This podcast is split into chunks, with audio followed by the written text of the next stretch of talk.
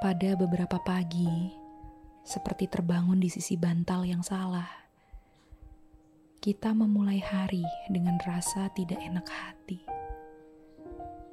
Segalanya terasa salah, segalanya seolah akan gagal. Saat seperti itu, pikiran kita bisa jadi tempat yang berbahaya. Kita jadi ahli sihir yang pandai mengada-ngadakan sesuatu dari ketiadaan.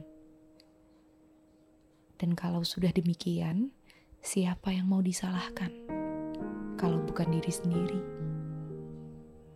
Padahal jelas-jelas bukan keinginan kita untuk punya pikiran-pikiran yang seperti ini.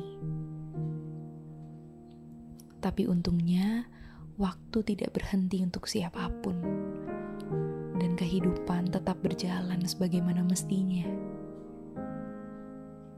Akhirnya kau bangkit berdiri juga, menjalani harimu seperti hari-hari biasa, dan tanpa kau sadari, warna kota memberi pergantian suasana.